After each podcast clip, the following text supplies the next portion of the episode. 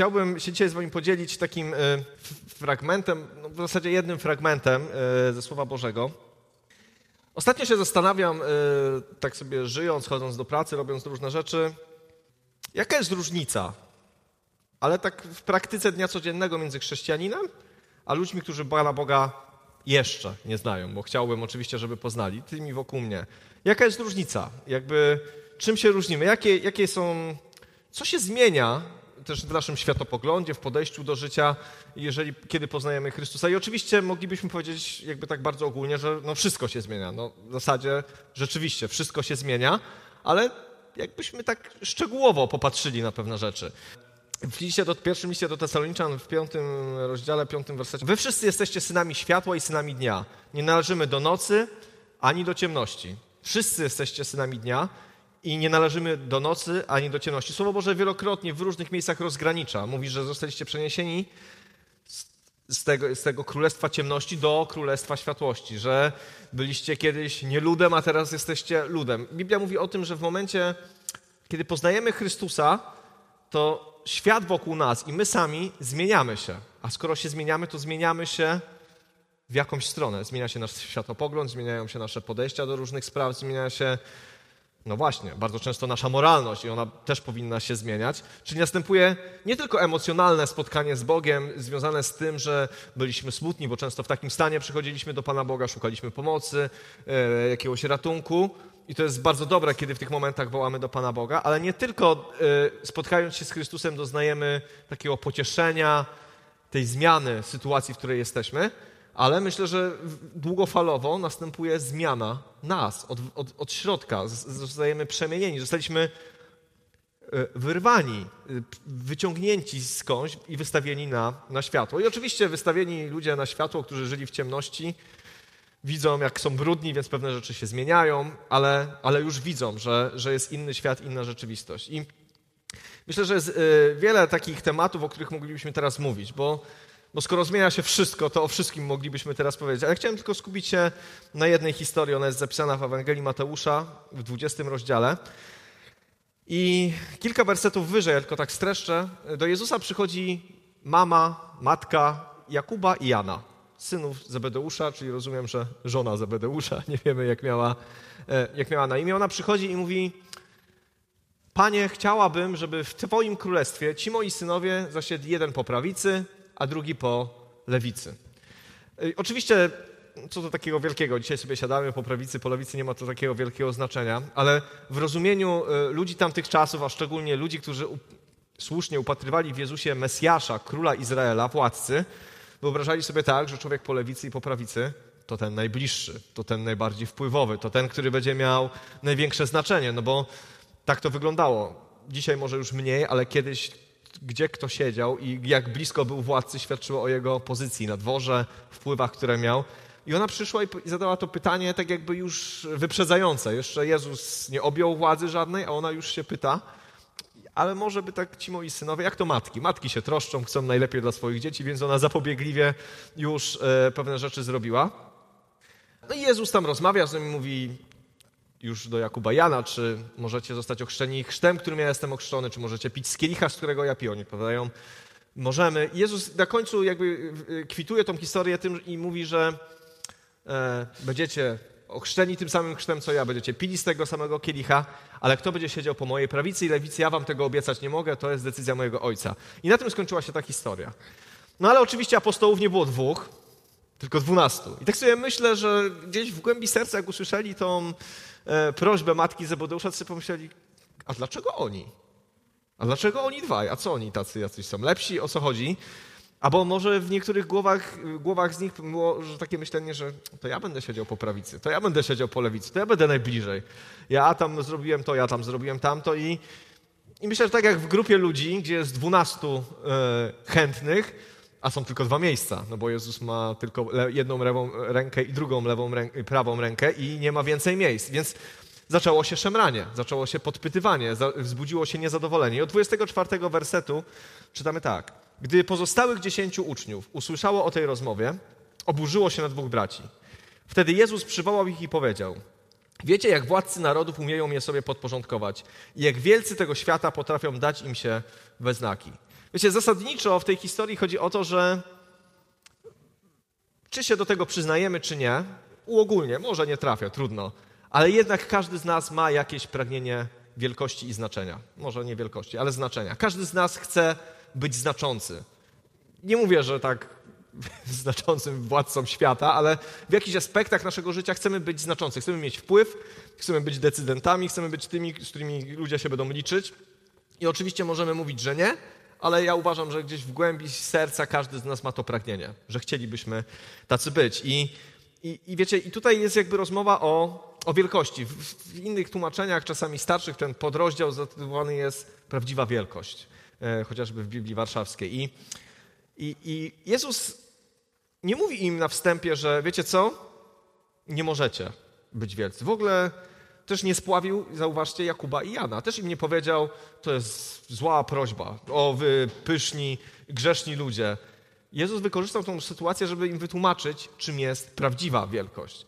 Sama wielkość i bycie wielkim, bycie znaczącym, bycie wpływowym nie jest dla Jezusa, nie było niczym złym, bo Jezus był znaczący i wpływowy w tym, co mówił. Ludzie za nim szli, głosił dobrą nowinę, ale Jezus wykorzystał tę sytuację, kiedy oni myśląc o rzeczach ziemskich, Chcieli rzeczy ziemskich, ale Jezus wykorzystał tę sytuację, żeby im pokazać coś znacznie ważniejszego. I najpierw daje im przykład. Wiecie, jak władcy narodów podporządkowują sobie świat i potrafią dać im się we znaki. Jezus mówi o tym, że wielkość w tym świecie jest bardzo mocno powiązana, niestety, z wykorzystywaniem jednych przez drugich. Że wielkość w tym świecie polega na tym, że ktoś zdobywa władzę, pieniądze, znaczenie i stawia się wyżej od innych, żeby czerpać jakieś korzyści. Bo oczywiście były w historii y, ludzkości przypadki ludzi, którzy chcieli być wielcy dla samej wielkości, ale najczęściej ludzie chcą być wielcy, bo z wielkością idą korzyści i to znaczące korzyści. Można być bogatym, ale można być zawsze przecież bogatszym. Można, mogą cię ludzie kochać, ale mogą cię kochać jeszcze bardziej. Możesz podbić jeden kraj, ale przecież możesz podbić kilka kolejnych. Ogólnie już to Salomon mówił, że człowiek jest w pewnym sensie nienasycony, że ciężko mu się zaspokoić rzeczami tego świata. I, i Jezus mówi tak, spójrzcie na ten świat, jak on funkcjonuje. Co to znaczy wielkość? Wielkość polega na tym, że ktoś zdobywa jakieś środki, dobra i tak dalej, wykorzystuje to, żeby je pomnożyć i wtedy już nie patrzy na krzywdę drugiego człowieka. Bo niestety ten świat jest tak skonstruowany, że żeby jedni mieli dobrze, to niestety ktoś musi mieć gorzej. Żeby ktoś miał ekstremalnie dobrze, no to ktoś musi na przykład na to pracować. I wiecie, jak tak popatrzymy sobie na ten świat, jak on jest skonstruowany pod względem ekonomicznym, to niestety, znaczy dla nas stety, bo jesteśmy w tej lepszej części świata, ale niestety jest tak skonstruowany, że żyjemy niejako również my z wyzysku tych, którzy są, nie wiem, gorzej sytuowani, żyją w mniej rozwiniętych kulturach i tak dalej. I, ten świat tak funkcjonuje, na nierównościach i to bardzo dużych. Wiecie, nie chcę teraz być piewcą jakiejś ideologii, ale ogólnie Jezus powiedział, spójrzcie, jak ten świat jest skonstruowany. Że władcy narodów, ci, którzy chcą się y, być, uznawać za wielkich, podporządkowują sobie innych ludzi i dają im się we znaki. Czyli wielkość w oczach tego świata to jest ja, dla mnie. Ja chcę być wielki, ja chcę czerpać korzyści. Inni nie liczą się. Ja się urodziłem, ja nie wiem, mam błękitną krew, jestem szlachtą, nie wiem, mam jakiś majątek, coś odziedziczyłem, więc ja jestem kimś. Ja mam pieniądze, ci inni się nie liczą. Wiecie, cała historia jest y, przesiąknięta taką postawą, gdzie, gdzie jedni wykorzystują drugich. I oczywiście były też takie przypadki, że ci biedniejsi buntowali się przeciwko tym bogatszym, ale role się odwracały i ci, którzy wcześniej byli biedni, też zaczęli się tak zachowywać. Znowu po, urośli w piórka i walcząc wcześniej o wolność, stali się nową jakąś arystokracją, zaczęli prześladować innych. I jest to jakaś ludzka natura, która jest w nas wbudowana. I, i myślę, że y, wielkość w tym świecie można zdobyć różnymi środkami. Nie wiem. Niestety, jak się tak przypatruje, niezbyt są to szlachetne środki. Często jakaś manipulacja, przekupstwo, wykorzystywanie siły, pozycji, wykorzystywanie innych ludzi. Niestety w tym świecie tak zdobywa się najczęściej wielkość ekonomiczną, polityczną, jakąkolwiek, taką, która daje ci jakąś władzę. I nie są to rzeczy jakieś szczególnie szlachetne. Czyli wielkość sama w sobie, żeby być wpływowym, żeby mieć znaczenie, żeby jakoś ją wykorzystać, wszystko zależy od tego, jak ją chcemy wykorzystać i jak ją zdobędziemy. I Jezus mówi, Popatrzcie sobie na ten świat. Wiecie, my dzisiaj, jak spojrzymy na ten świat, widzimy mnóstwo niesprawiedliwości, ale w czasach Jezusa one były jeszcze bardziej wyraźne. Byli ci, którzy byli biedni i prawdopodobnie byli już biedni do końca swojego życia. Nie mieli żadnych opcji, żadnych perspektyw, to było prawie niemożliwe wybić się z pewnego stanu. E, ludzie walczyli o przetrwanie każdego dnia, bardziej niż zastanawiali się, kiedy sobie zmienią buty czy telefon, co dzisiaj jest dla nas e, synonimem jakiegoś takiego niedostatku, że nie, że nie mamy wcale, tylko mamy trochę mniej niż inni albo gorsze niż inni, ale zasadniczo mamy. Ale w tamtych czasach było tak, że albo miałeś, i walczyłeś i byłeś, nie pracowałeś i miałeś mnóstwo pieniędzy, albo żyłeś po prostu na granicy ubóstwa, walcząc każdego dnia o chleb i to było 95% społeczeństwa i 5 tych uprzywilejowanych.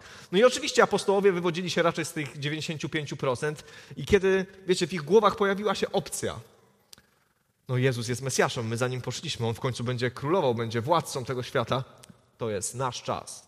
To jest nasz czas. Teraz my wbijemy się do tych pięciu najbardziej eliternych procent ludzkości i my będziemy po prawicy, będziemy po lewicy, będziemy czerpać korzyści, no bo zauważyli też szansę. Ja nie mówię, że nie byli duchowi, ale wiecie, zaświeciło im tak po ludzku przed oczami zmiana statusu. Kto by nie chciał? Wszyscy byśmy chcieli. Więc oni też zaczęli się tak zachowywać, ale Jezus wykorzystał to, żeby im powiedzieć o czymś bardzo ważnym. Od 26 wersetu do 28. Nie tak ma być pośród was. Kto między wami chciałby stać się wielki, niech postępuje jak służący. I kto między wami chciałby stać na czele, niech będzie jak sługa. Podobnie Syn Człowieczy nie przyszedł, by mu służono, ale aby służyć i oddać swoje życie na okup za wielu. I powiem wam szczerze, że kiedy e, żyjemy w tym świecie na co dzień i, i tak jak Jezus zachęcił swoich uczniów, patrzymy, jakie są dzisiaj wzorce zdobywania wielkości. Co trzeba zrobić, żeby być wielkim? I przeczytamy słowa Jezusa, które ty wypowiedział, to są jedne z, moim zdaniem, w Biblii jest mnóstwo rewolucyjnych rzeczy, które Jezus powiedział, ale to są jedne z bardziej rewolucyjnych, szokujące nie tylko ludzi w tamtych czasach, uważam, że szokujące ciągle dzisiaj. Ciągle tak bardzo mocno kłócące się z ludzką naturą, która bardzo często po trupach do celu. Wiecie, oczywiście różnie do tego podchodzimy, ale, ale jest coś takiego, że człowiek jest w stanie posunąć się naprawdę do obrzydliwych rzeczy, żeby w końcu osiągnąć swoje marzenie, żeby spełnić sen o wielkości, ludzie robią naprawdę straszne rzeczy. Jezus mówi tak, nie tak ma być pośród was. Nie tak ma być pośród was. Spójrzcie na ten świat, jak on funkcjonuje, jak on, jakie są jego motywy, jakie są jego sposoby dochodzenia do wielkości. Jezus mówi wprost. Nie tak ma być pośród was. Czyli jeżeli oglądacie wiadomości, czytacie gazety, słuchacie różnych rzeczy, to Jezus mówi, nie tak ma być pośród was. Świat dzisiejszej polityki, ich moralność, ich sposoby, nieważne z jakiej strony, z jakiej partii, to nie jest to, co powinniśmy naśladować. To nie są sposoby dochodzenia do prawdziwej wielkości, która przecież jest jakąś wartością w Królestwie Bożym, bo Jezus nie powiedział. Powiedział tak, kto między wami chciałby stać się wielki, czyli zachęca, mówi, wielkość jest osiągalna. Wielkość jest dobra. Dobrze jest mieć wpływ. Dobrze jest mieć wpływ na innych ludzi. Dobrze jest móc robić dobre rzeczy. Wielkość jest dobra, ale nie tędy droga. Nie tędy droga. Nie przekupstwo, nie manipulacja, nie wywieranie siły, nie oszukiwanie, nie y, robienie różnych rzeczy. Ale, i to jest coś niesamowicie dla mnie rewolucyjnego, kto chce stać się wielki, niech postępuje jak służący. I myślę, że kiedy usłyszeli to apostołowie, nie wiem, jak oni się poczuli, mając w głowie wizję zasiadania po prawicy, po lewicy i rozdzielania już e, sobie funkcji jakichś e, w Nowym Królestwie Jezusa Chrystusa. Ale myślę, że musiało to być dla nich dosyć szokujące. Bo służący, bardzo często w Nowym Testamencie służący to jest niewolnik. Niewolnik. Człowiek, który pełni już takie najniższe rzeczy. Wiecie, służący w rozumieniu, y, nie wiem, arystokracji w tamtych czasach to jest ktoś, kto nosił nocnik w nocy, kto, kto kogoś mył, kto kogoś ubierał, e, kto gotował, wiecie, robił takie rzeczy, które e, jakby człowiek, który jest z wyższych sfer, po prostu dla niego są one niegodne, więc zatrudnia sobie kogoś, kto robi to za niego. I Jezus powiedział, jak ktoś chce być wielki, to musi zmienić nastawienie. To musi zmienić sobie wyobrażenie wielkości. Bo wiecie, pytanie to pierwsze, które zadałem, to po co ludzie chcą być wielcy? Znaczy, po co w ogóle jest taka kategoria wielkości? Dlaczego nas to tak kręci, e, że chcemy być wielcy? Dlaczego to kręci ludzi od początku historii świata do teraz, że chcą być wielcy? Przepychają się, ściągają się z tej drabiny, jeden drugiego wyprzedza, robią straszne rzeczy, żeby tylko tą wielkość osiągnąć, bo, bo masz wpływ. Bo możesz coś zrobić, bo ludzie muszą zrobić to, co chcesz, bo jesteś decydujący. I Jezus, jakby myślę, że pokazuje nam w tej historii, jakby samą wielkość jako taką, czym ona jest tak naprawdę w Bożym Królestwie.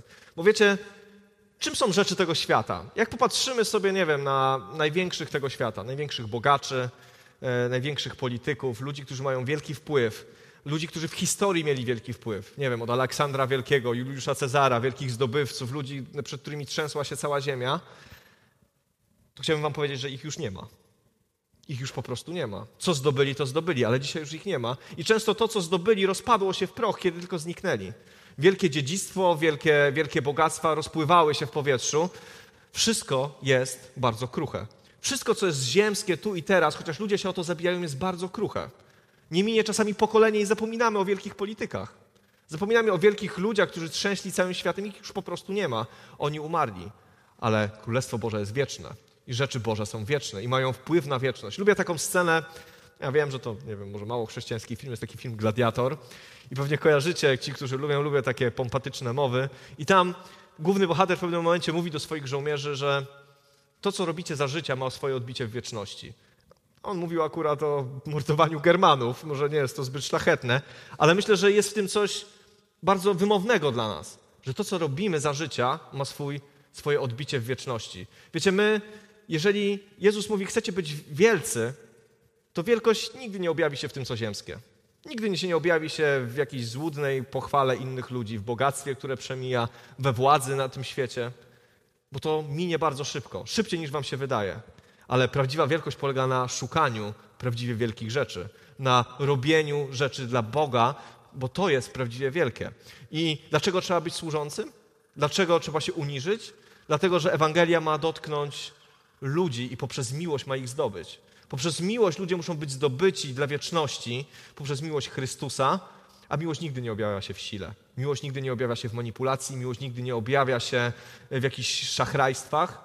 Tak się nie zdobywa ludzi dla Chrystusa, ale właśnie przez uniżenie, poprzez oddanie siebie, poprzez pokazanie prawdziwej miłości, serca kruszeją i ludzie zaczynają wołać do Pana Boga, bo wiecie, jeżeli mówimy sobie o, o wielkości, która jest możliwa, to ta prawdziwa wielkość polega na tym, że kiedyś w Królestwie Niebios odbierzemy korony. Że kiedyś Pan Bóg powie, sługo wierny i dobry, dostałeś tyle i tyle, dobrze to wykorzystałeś. Że będziemy wiecznie szczęśliwi z Panem Bogiem, że będziemy tymi, którzy doświadczą pełni, ale droga do wolności tego świata i droga do, do, do, przepraszam, do wielkości tego świata i droga do wielkości w Bożym Królestwie jest zupełnie inna. Jest zupełnie inna. Pan Bóg mówi: bądźcie wielcy, dążcie do wielkości, miejcie wpływ na ludzi, ale ten dobry, ten poprzez miłość, poprzez służenie, poprzez oddanie. Gdzie rewolucyjne jest to dlatego, że myślę, że do dzisiaj, kiedy słyszymy o tym, że ktoś chce być wielki, a ma komuś umyć nogi, to to nam się nie dodaje. To są totalnie nie są standardy tego świata. Jezus w pewnym momencie powiedział, kiedy mył im nogi, powiedział w czasie ostatniej wieczerzy, powiedział: Tak, ja jestem mistrzem, tak, ja jestem panem, ale ja wam umyję nogi, bo wiem skąd przychodzę i dokąd idę. Wiem, kim jestem. Wiem, dokąd zmierzam. Wiem, jak to wszystko się skończy. Mam pełen ogląd sytuacji, a to jest moja służba. Moja wielkość polega na tym, że dzisiaj okazuję wam miłość. I wiecie, kiedy Jezus umierał na krzyżu w czasie najbardziej poniżaj, poniżającej, hańbiącej śmierci, jaka istniała w tamtych czasach, totalnie wyszydzany, to wiedział, dlaczego to robi. Wiedział, skąd przychodzi i dokąd idzie. I wiedział, czym jest prawdziwa wielkość. Że prawdziwą wielkością jest spełnienie woli Boga, zdobycie ludzi dla Chrystusa, wieczności, wieczności dla ludzi zgubionych, którzy nie mają nadziei, przyniesienie prawdziwego życia. To jest prawdziwa wielkość. Danie ludziom dostępu do rzeczy wiecznych i niezniszczalnych. Na tym polega prawdziwa wieczność. Mieć wpływ w taki sposób, że, że ludzie widzą w Tobie Chrystusa. Że ludzie poprzez Twoją miłość, poprzez Twoją służbę, poprzez Twoje uniżenie, poprzez miłość, którą okazujesz, widzą Chrystusa. I tak sobie myślę bardzo często o tym, bo oczywiście znamy świętego Pawła i często o tym mówię również, ale za każdym razem mnie to zachwyca. Znamy wielkich apostołów, znamy pewnie imiona dwunastu. Znamy może jeszcze Apollosa, znamy Tymoteusza, znamy wielkich ewangelistów. Może znamy ojców Kościoła, którzy wielkie rzeczy robili, Tertuliana, jak i Augustyna, innych ludzi. Ale wiecie, nie znamy z imienia tak naprawdę głównego, głównej siły napędowej chrześcijaństwa pierwszych wieków. Tych bezimiennych kowali, stolarzy, niewolników, służących, którzy poprzez wierność Panu Bogu, poprzez odrzucanie standardów tego świata, poprzez dążenie do wielkości tego świata, szukali wielkości, która jest wielkością i standardem Królestwa Bożego. Służyli, oddawali swoje życie, okazywali miłość. I wiecie, chrześcijaństwo na początku nie szerzyło się wśród intelektualistów, wśród arystokracji, wśród ludzi, którzy potrafili to zapisać. Ludzi dotykała miłość zwykłych ludzi, którzy nie potrafili niczego napisać, nie potrafili być może przeczytać, ale okazywali miłość. Wzięli słowa Jezusa na poważnie i stwierdzili tak. Mamy w sobie to pragnienie, które ma każdy człowiek. Chcemy coś znaczyć, chcemy, żeby nasze życie miało znaczenie, sens, żebyśmy mieli wpływ na innych ludzi, ale potrafili to przekierować w dobrą stronę, w dobry nurt. To, to popłynęło dobrą rzeką, postanowili służyć innym.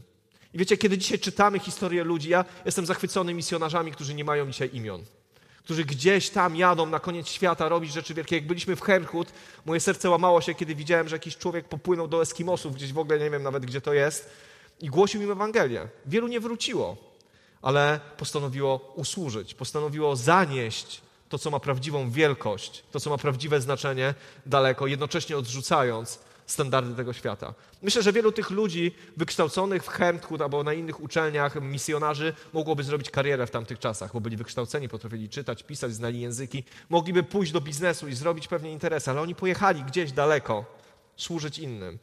I myślę, że w niebie, nie wiem kto pamięta, ale jak tutaj byliśmy e, było przedstawienie Cieszki Żółtko, tam była taka scena w czasie tego monodramu, gdzie, gdzie Pan Bóg wyróżniał ludzi w czasie yy, bycia przed Trybunałem Chrystusa i często to byli ludzie nieznani. Jacyś z drugiego wieku, z trzeciego. Wiecie, to mnie bardzo dotknęło, dlatego że myślę, że bardzo zdziwimy się, kiedy już będziemy z Chrystusem. Kiedy On będzie rozdawał korony, bardzo się zdziwimy. Widząc ludzi, którzy nie byli na pierwszych stronach gazet, którzy, których imion nawet nie znamy, ale słysząc historię ich życia będziemy płakać, jak, jak, jak bardzo służyli, jak bardzo oddali się Chrystusowi. I wiecie, ta historia mi też pokazuje pewną rzecz, że że wszystkie pragnienia, które mamy w sobie, marzenia, to, co, co Pan Bóg kładzie nam do serca, z czym nas stworzył, bo z naturą ludzką, z jaką nas stworzył, kiedy Go poznajemy, to wszystko może zostać skanalizowane w dobry sposób. Wszystko może zostać skanalizowane w dobry sposób na chwałę Bożego Królestwa, na, na to, żeby ludzie mogli usłyszeć o Nim. I czy służący to jest coś pięknego i zaszczytnego w oczach dzisiejszego świata? Nie. Prezes? Nie wiem generał, kto tam, jakieś tam wielkie funkcje. To tak, to są rzeczy piękne, ale służący? Ale wolę być służącym w Królestwie Bożym. Tak mówię już nie górnolotnie, niż generałem w tym świecie. Może mówię tak, bo nie jestem generałem ani, ani prezesem, może, nie wiem. Ale wiecie, kiedy popatrzymy racjonalnie na, na prawdy Bożego Słowa i kiedy zobaczymy, jak wiele mamy w Chrystusie i kim jesteśmy, to i wielkość, i Boże marzenia, i Boże pragnienia, one stają się zdecydowanie bardziej atrakcyjne niż cokolwiek, ten świat w stanie zaoferować. Mówi się, że historia jest taką, o każdej nauce się tak mówi, historia również tak mówi, że jest, że jest matką różnych innych nauk, że możemy z niej wyciągać wnioski. I wiecie, kiedy to chyba powiedział Albert Einstein, że głupotą jest robienie w kółko tego samego i oczekiwanie innych rezultatów. Wiecie, głupotą czasami jest robienie, obserwowanie tego świata i robienie tego, co ten świat, bo to nigdy się nie dodaje, bo to nigdy nie przynosi rezultatów. Owszem, były wielkie kariery, które równie gwałtownie się kończyły. Czy byli wielcy ludzie, o których dzisiaj nawet nie pamiętamy? Naprawdę. Przed którymi cały świat się kłaniał, a dzisiaj nawet nie znamy ich imion, bo to było 200, 300, 500 lat temu. Pamięć o nich została zatarta. Tego nie ma. Ale to, co ma prawdziwą wartość, zostanie w pewnym, pewnego dnia uwypuklone, będzie krzyczane na dachach, będzie jasne i wiecie, ta wielkość, która jest w Bożym Królestwie jest dla każdego z nas, wierzę, osiągalna i pełni satysfakcjonująca. Wielkość tego świata, znowu mówię jako człowiek, który w tym świecie nie jest wielki, nie wiem, ale wydaje mi się, obserwując świat dookoła nas, nie jest satysfakcjonująca. Nie spotkałem człowieka wielkiego w tym świecie, który powiedział dosyć, może mało widziałem, ale nie spotkałem jeszcze. Dosyć pieniędzy, dosyć władzy, dosyć, dosyć nie wiem, wpływów. Takie rzeczy się bardzo rzadko zdarzają. Wiecie, i chciałbym, żebyśmy, e, żebyśmy o tym pomyśleli. Żebyśmy pomyśleli o tym, gdzie kanalizujemy te nasze dążenia, które na pewno w nas są, żeby, żeby być kimś, żeby coś znaczyć, żeby, e, żeby móc wywrzeć wpływ na coś istotnego. I możemy się spalać w tym świecie. Możemy. Możemy to robić. Tylko prawda jest taka, że, że to i tak przeminie, że to i tak gdzieś się przepali. Ale to, co zostawimy dla Pana Boga, to czy przyjmiemy rolę sług, nawet w stosunku do braci, sióstr, w kościele, do swojej rodziny, czy przyjmiemy tą postawę sługi, tą postawę Jezusa Chrystusa, który mógł walnąć ręką w stół i wiecie, wszystkich poustawiać, ale wybrał zupełnie inną drogę, bo chciał dotrzeć do serc. Bo chciał dotrzeć do serc, a tam, jeżeli naprawdę zależy nam na tym, żeby dotrzeć do serc ludzi, którzy są zgubieni, jeżeli naprawdę nam zależy na tym, żeby wywrzeć prawdziwy wpływ na ten świat, wpływ, który będzie miał odbicie w wieczności, to nie zrobimy tego sposobami ludzkimi. Boży sposób jest może niewygodny, ale jedyny skuteczny, bo nawet Jezus postanowił wybrać ten sposób poprzez uniżenie, poprzez poświęcenie, poprzez oddanie siebie, po to, żeby serca ludzkie zostały złamane, poprzez ekstremalną, niezrozumiałą, irracjonalną miłość. Chrystus to zrobił. Nas pozostawił w tym świecie, żebyśmy go naśladowali. Nie wymyślali nowe ścieżki, nowe sposoby, ale żebyśmy robili dokładnie to, co on robi, żebyśmy wywierali realny wpływ. I wiecie, zachęca mnie w tej historii to, że to jest przesłanie dla każdego chrześcijanina. To nie jest tylko dla apostołów, ludzi wyjątkowo obdarowanych. Tylko, wiecie, każdy z nas może podjąć tą decyzję, żeby usłużyć, żeby okazać miłość, żeby być człowiekiem, z którego wyleje się współczucie, zainteresowanie. To nie jest dla ludzi szczególnie obdarowanych. Znaczy, jest też, ale dla wszystkich ludzi. Absolutnie dla wszystkich ludzi. Wiecie, często taką wymówką naszą chrześcijańską jest: ja nie mam darów, ja nie mam talentu, ja nie umiem, ja nie potrafię, nie mam odwagi. Ale prawda jest taka, że żeby stać się sługą i okazać miłość, może absolutnie każdy. Absolutnie każdy. I, I nie ma na to wymówki. Na najważniejszą rzecz w chrześcijaństwie nie ma wymówki. Na rzeczy troszeczkę mniej ważne w chrześcijaństwie są wymówki. Nie umiem, nie potrafię, ale rzecz elementarną, kluczową nie ma wymówki. I Słowo Boże mówi tak, że Syn Człowieczy nie przyszedł, aby Mu służono, ale aby służyć i oddać swoje życie na okup za wielu. Nie przyszedł, aby Mu służono, ale aby służyć. Myślę, że to jest taka postawa, która jest chyba najbardziej ujmująca w chrześcijaństwie w życiu z Bogiem, że, że ono nie jest egoistyczne, że ono nie jest skupione na tym, żeby mi służono, tylko na tym, żeby, żeby służyć, żeby dawać siebie. A wynika to z tego, że mamy ufność i pewność w tym, że Chrystus zaspokoi nasze potrzeby. Że to nie wynika z tego, że my na siebie wkładamy jakieś jarzmo, żeby tylko dawać innym, ale my dajemy innym, bo ufamy, że Pan Bóg zaspokoi nasze potrzeby. Dajemy, bo wiemy, że Pan Bóg nam da. Albo dajemy, dlatego że Pan Bóg nam dał. Darmo wzięliście, darmo dawajcie. I wiecie, to jest piękne w tym słowie, że, że Pan Bóg mówi, zachęca nas do tego, żebyśmy służyli, dlatego że On nam zapewni byt. Że On się o nas zatroszczy. Że to, co jest ważne, to często Krystian mówi z tego miejsca, albo szczególnie wtedy, kiedy zmieniał pracę, teraz też pewnie to mówi, że nie troszczcie się o nic. Szukajcie najpierw Królestwa Bożego, a wszystko inne będzie wam dodane. Bo żeby służyć komuś, to musisz zostawić coś swojego i musisz zaufać, że Pan Bóg się o to zatroszczy.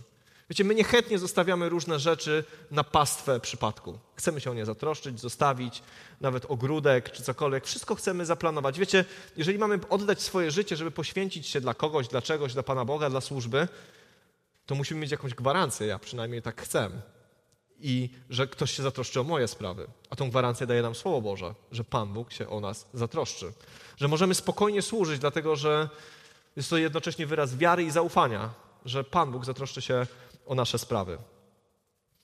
Więc podsumowując, Jezus nie zganił apostołów, że chcieli być wielcy, ale pokazał, pokazał im, czym jest prawdziwa wielkość. Myślę, że nie ma nic złego w pragnieniach, które czujemy.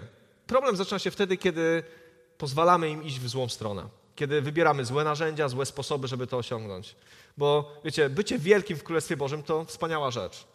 Chwalebna dla wielu, nie tylko dla tego, który jest wielki bycie wielkim w tym świecie to bardzo często jest chwalebne dla tego, który jest wielki, a dla innych to jest wyzysk, smutek i rozczarowanie.